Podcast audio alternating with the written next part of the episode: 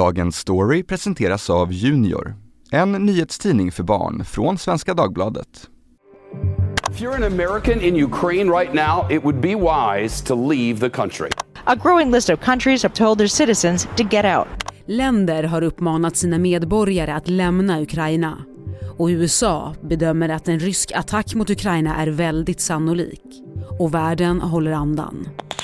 The United States is prepared, our allies are prepared, and now it's up to Russia to determine what the next step they will take is. Hur nära ett krig i Ukraina är vi? På en kvart får du veta vilka diplomatiska vägar framåt det finns nu och varför konflikten med Ryssland är långt ifrån över. Det är torsdag den 17 februari och jag heter Fanny Härgestam.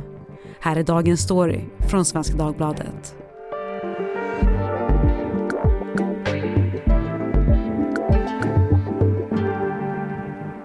Therese Larsson Hultin, du skriver om utrikesfrågor, ofta med fokus på geopolitik här på SvD.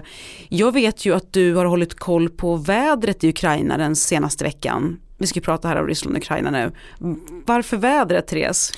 Ja, jag inser att det kan låta lite märkligt att det är sånt jag roar mig med på min fritid. Men jag kan meddela att i östra och sydöstra Ukraina så är det från och med onsdag, torsdag någonting plusgrader dygnet runt. Tidigare så var det minusgrader på natten. Och varför är det då viktigt? Jo, det undrar jag också. För att, alltså det har sagts jättemycket här i väst framför allt, att Ryssland om de skulle invadera Ukraina igen, att de behöver en frusen mark för att annars så går det knappt att invadera för att det liksom då rullar eh, stridsvagnar och så vidare lättare. Jag såg i lördags hur en, en journalist på brittiska The Telegraph var nere i de här skyttegravarna i Donbassregionen och, och kände på, på marken och liksom konstaterade att det var väldigt lerigt. Men Tittar man på, som jag då också roar mig med, eh, vad, vad, ukrainska och ryska militärstrateger säger, så är det inte fullt så viktigt att marken är frusen som man säger här i väst. För tydligen, och de borde veta, så är de ryska stridsvagnarna och terrängfordonen lättare och smalare än vad de här i väst är. Så att de är byggda för den här typen av mark. Så att även om det är enklare utan lera så går det, om man vill. Och det här med att man kan läsa just om sådana uppgifter som militärstrateger ger just nu säger någonting om liksom, nivån på rapporteringen runt mm. det som händer nu. Eh, varenda rörelse följs ju av liksom, medier över hela världen. Eh, I början av veckan pratade man mycket om upptrappning och sen nu om nedtrappning. Hur är läget egentligen just nu Therese? Mm. Vad är det som gäller? Ja, men det, det är ju det vi inte riktigt vet. Eh, positiva tecken från Vladimir Putin då, ryska presidenten som ju faktiskt pratar om att han, han är villig att fortsätta diplomatiska samtal och att de ska göra då trupp eh, tillbaka draganden. Eh, ryska försvarsministern har tydligen ut filmer, jag har inte hunnit se dem ännu, med, med trupper då på Krim som efter en militärövning ska ha tagit sig över den här bron till ryska fastlandet. Men saken är ju den att vi vet inte. Eh, vi behöver se eh, de facto, drar de tillbaka trupp eller inte. Eh, sen ska man också komma ihåg att förra våren så placerade Ryssland också stora mängder soldater vid Ukrainas östra gräns som de sen drog tillbaka strax innan sommaren men lämnade kvar väldigt mycket materiel. Och det är ju lätt att få tillbaka, du kan ju bara flyga in soldater så att liksom, det gäller ju att de också drar tillbaka liksom, de tunga pjäserna. Eh, men, men, men vi vet inte för att Putin har ju sagt hela tiden att han är villig att prata. Eh, och han har faktiskt aldrig pratat om att invadera Ukraina igen utan han har sagt att det man kan tänka sig då är militärtekniska åtgärder. Eh, men ja, det, det, det, det är osäkert läge. Snårigt. Ja. Men om det nu skulle bli krig, alltså hur, hur skulle ett sånt krig kunna börja? Vilka olika typer av angrepp kan vi föreställa oss här? Ja, men problemet idag är ju också ordet krig. Vad är krig idag? Eh, det kan ju vara så många olika saker. Men, men, men det man pratar om är att om då Ryssland skulle vilja gå till angrepp mot Ukraina så skulle det kunna börja med cyberattacker. Vi såg ju det just häromdagen. Exakt, ja. som vi redan har sett. Eh, sen om det var Ryssland eller inte, det, det, vet man ju såklart inte, men man kan ju gissa. Eh, och att man även då från rysk sida skulle börja med flygbombningar. Eh, och sen skulle det följas av, av specialtrupper och så småningom då även marktrupper om det är det man vill. Ehm, och militärstrateger tittar ju då väldigt noga på var befinner sig soldaterna idag, vilka vägar ska man kunna ta. Ehm, och en sak är att, att, det är bra om det går till exempel en järnväg som är i närheten av där man ska då föra in trupp. För att man behöver ju understöd i form av mat och ammunition och sådana här grejer. Ehm, men, men ja, det, det är mycket detaljer och det är mycket spekulationer och vi vet ju inte. Men du Therese, jag lärde mig ett nytt ord när jag läste din text. Iskander-robotar, säger man så? Ja, det gör man. Eh, ja, men det är ett sånt där eh, begrepp, det är ju en, en, ett ryskt vapensystem, en kortdistansrobot, en ballistisk sådan. En ballistisk robot är en, om du kastar den, nu är den väldigt tung, men om du skulle kunna kasta den så ungefär så som den faller, om du kastar den så är dess bana. Eh, och det här är ett väldigt, ett system som man inte vet fullt ut hur pass bra det är. Ryssland hävdar en sak, väst tror man att det inte är fullt lika bra, men ändå, den, de kan kärnvapenbestyckas, det är kortdistansrobotar och det finns sådana i Kaliningrad, vilket då har satt skräck i, i Sverige till exempel. Den skedde stegvis förra året. Rysslands mobilisering mot gränsen till Ukraina med stridsfordon, artilleri och tiotusentals soldater. Så i december kom en kravlista från Ryssland för att nå en ny så kallad säkerhetsordning. På listan fanns att USA och NATO måste dra sig tillbaka från alla de länder som tidigare ingått i östblocket. En annan punkt var att lova att varken Ukraina eller andra länder tillåts ansluta sig till den västliga militäralliansen. Vi föreslår att NATO ska ge oss eh, skriftliga juridiska förpliktelser om att inte utvidga eh, blocket eh, överhuvudtaget. Och eh, därmed är ju sagt att inte några nya medlemmar eh, ska ju eh, vara med i, i NATO, däribland Sverige. Det är bara så enkelt som det är. Men de här kraven har EU och USA avfärdat som orimliga. För västmakterna ska den nuvarande säkerhetsordningen gälla, alltså att varje stat har rätt till sin säkerhetspolitik och säkerhetspolitiska val. Om en stat vill gå med i NATO ska den kunna göra det. Och den senaste tiden har ju Putin uppvaktats flitigt av USA, av EU-ledare, nu senast av Tysklands förbundskansler Olaf Scholz. Therese, vad har de här samtalen lett till?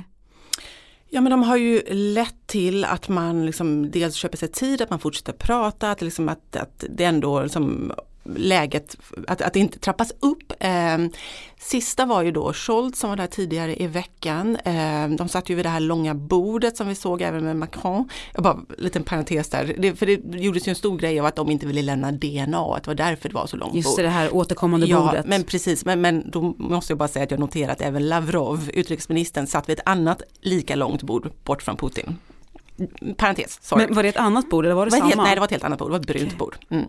Men jo, Scholz då senast eh, och han höll på presskonferensen efteråt en ganska, så här, för att vara Scholz som är ganska tillbakadragen, så här, eh, han, han pratade om att det var politikernas förbannade plikt att försöka lösa det här. Eh, och det var ju i samband med det då som Putin sa att han var beredd med de, de fortsatta diplomatiska samtalen. Ehm, ja, vad har de gett? Att vi har köpt oss tid och att, liksom att, att, eh, att Kreml är ganska nöjd ändå med att det kommer världsledare dit för det visar liksom att, att, att eh, Ryssland och Putin är någon att räkna med och att man tar, tas på allvar. Eh, men Tyskland då Therese, tänkte vi skulle gå in på Tysklands roll här som har diskuterats mycket när det gäller den här konflikten, alltså det som händer nu i Ryssland och Ukraina. Landets avvaktande hållning har ju upprört många, varför då? Vad är, vad är grejen med Tyskland-Ryssland relationen? Den mm. beskrivs som speciell. Ja men Tyskland har anklagats för att vara fegt och de har skickat hjälmar istället för liksom, vapen och så vidare. Så men, men det, det, går ju tillbaka redan till andra världskriget, det finns ett dåligt samvete i Tyskland gentemot Ryssland och mot hela omvärlden egentligen. Jag menar, 20 miljoner döda i Ryssland, liksom det sättet spår, det finns fortfarande kvar i det tyska medvetandet. Eh, men sen har, finns det också en, en, politik som går tillbaka till 70-talet med, liksom, med handel med Ryssland eh, och att man inte bombar den man, man, man säljer till. Eh, och det finns en väldigt industrivänlig del i Tyskland som tycker att man ska fortsätta handla med, med Ryssland, man ska fortsätta prata med Ryssland och så är man ju då väldigt beroende av rysk gas. Och det är ju då det hela den här Nord Stream 2 som man säkert, ni säkert har hört om. Eh, den här gasledningen då som är klar men inte tagen i bruk och som Tyskland faktiskt behöver. Eh, så jag tänkte innan Scholz åkte dit att jag undrar vad han tänker nu och liksom att, att vara sist på bollen och åka till Putin Putin och dessutom inte kunna eller vilja använda sig av det här starka kortet, liksom att ja men då stoppar vi Nord Stream 2. Just det, jag har hört att han inte ens har velat uttala Nej, han var- orden Nord Stream 2. Nej men när han var hos Biden så, så var det en hel presskonferens där han inte nämnde, där Biden pratade väldigt mycket om det och Scholz tog inte orden i sin mun. If Russia invades, there will be no longer a Nord Stream 2. We, we will bring an end to it. The hashtag in recent weeks was Where is Olaf Scholz? Wo ist Olaf Scholz here in Germany? Because he spoke uh, very little publicly. He clearly has an agenda, what he wants to say and what he doesn't want to say. And he does not want to talk about Nord Stream. Den har beskrivits av Tyskland som en av de sista broarna mellan Europa och Ryssland och nu blivit elefanten i rummet. Den rysk-tyska gasledningen Nord Stream 2. The Nord Stream 2 was built to double the amount of gas already being transported directly from Russia to Germany through the Nord Stream 1. The pipelines run parallel to each other through the Baltic Sea and are owned primarily by Russian energy giant Gazprom. Bygget har kostat 10 miljarder euro och bakom det står främst det ryska statskontrollerade energiföretaget Gazprom. Ledningen har ännu inte fått grönt ljus av tyska myndigheter att tas i bruk och den är vitt kritiserad av flera EU-länder och USA för att kunna användas som ett politiskt vapen mot EU. Tyskland står nu inför ett dilemma. Landet pressas av sina allierade att lägga Nord Stream 2 på is men behöver den ju samtidigt för energiförsörjning. Germany continues to stand behind the Nord Stream 2, but has suggested that halting it would be on the table if Russia attacks Ukraine. Dazu gehört eben auch It is clear that there will be a high price to pay, and that everything will have to be discussed should there be a military intervention in Ukraine.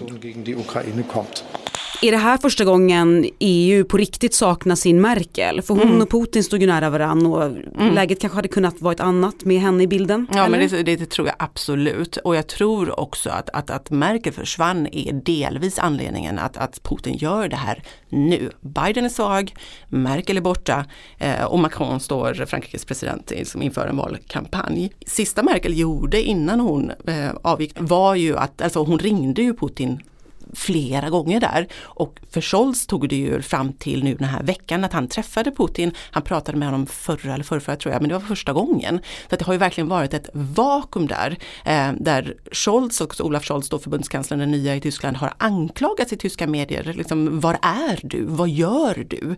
Eh, inser du inte att det kommer ett jobb med den här förbundskanslertiteln? Frågade en tidning. Eh, och han har, får man säga till hans försvar, då den sista veckan har faktiskt trappat upp och åkte då, då till Biden och åkte till Moskva och så vidare. Och jag tänker på det här med säkerhetsordningen. Har den inte redan ändrats med det som har hänt hittills? Nej, nej, inte, inte ännu, men saker och ting har ju förändrats. Men, men det Ryssland vill ju, liksom, de vill ju ha skriftliga garantier på att NATO inte får utvidgas mer. De vill ju till och med att NATOs gränser ska dra tillbaka till 1997, alltså då innan de här östeuropeiska länderna kom med.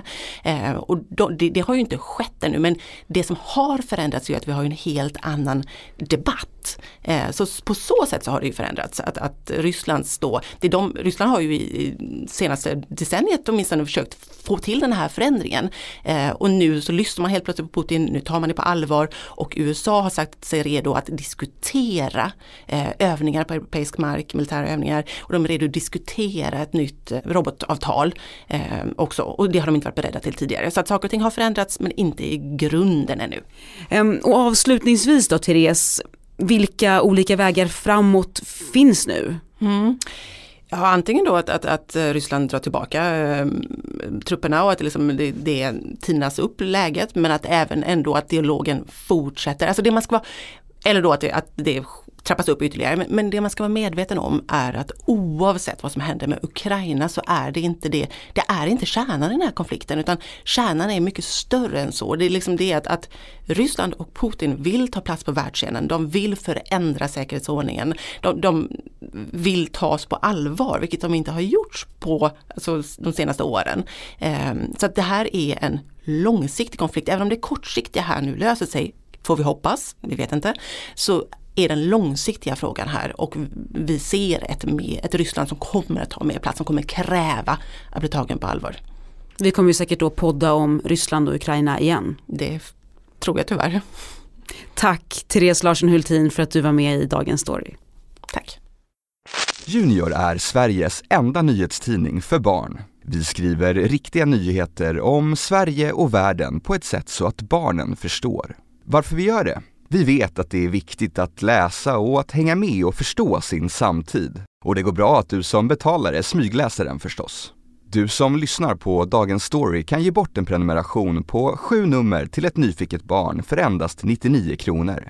Det är 64% rabatt mot ordinarie lösnummerpris. Du tecknar den på svdjunior.se podd. Vi som gjorde programmet idag är producent Elin Romigliotto, redaktör Teresa Stenler von Matern och jag heter Fanny Härgestam. Du har lyssnat på Dagens Story från Svenska Dagbladet. Vill du kontakta oss så mejla till dagensstory.svd.se. Ljudklippen i avsnittet kom från Deutsche Welle, Global News, CNBC, France 24 och Aftonbladet.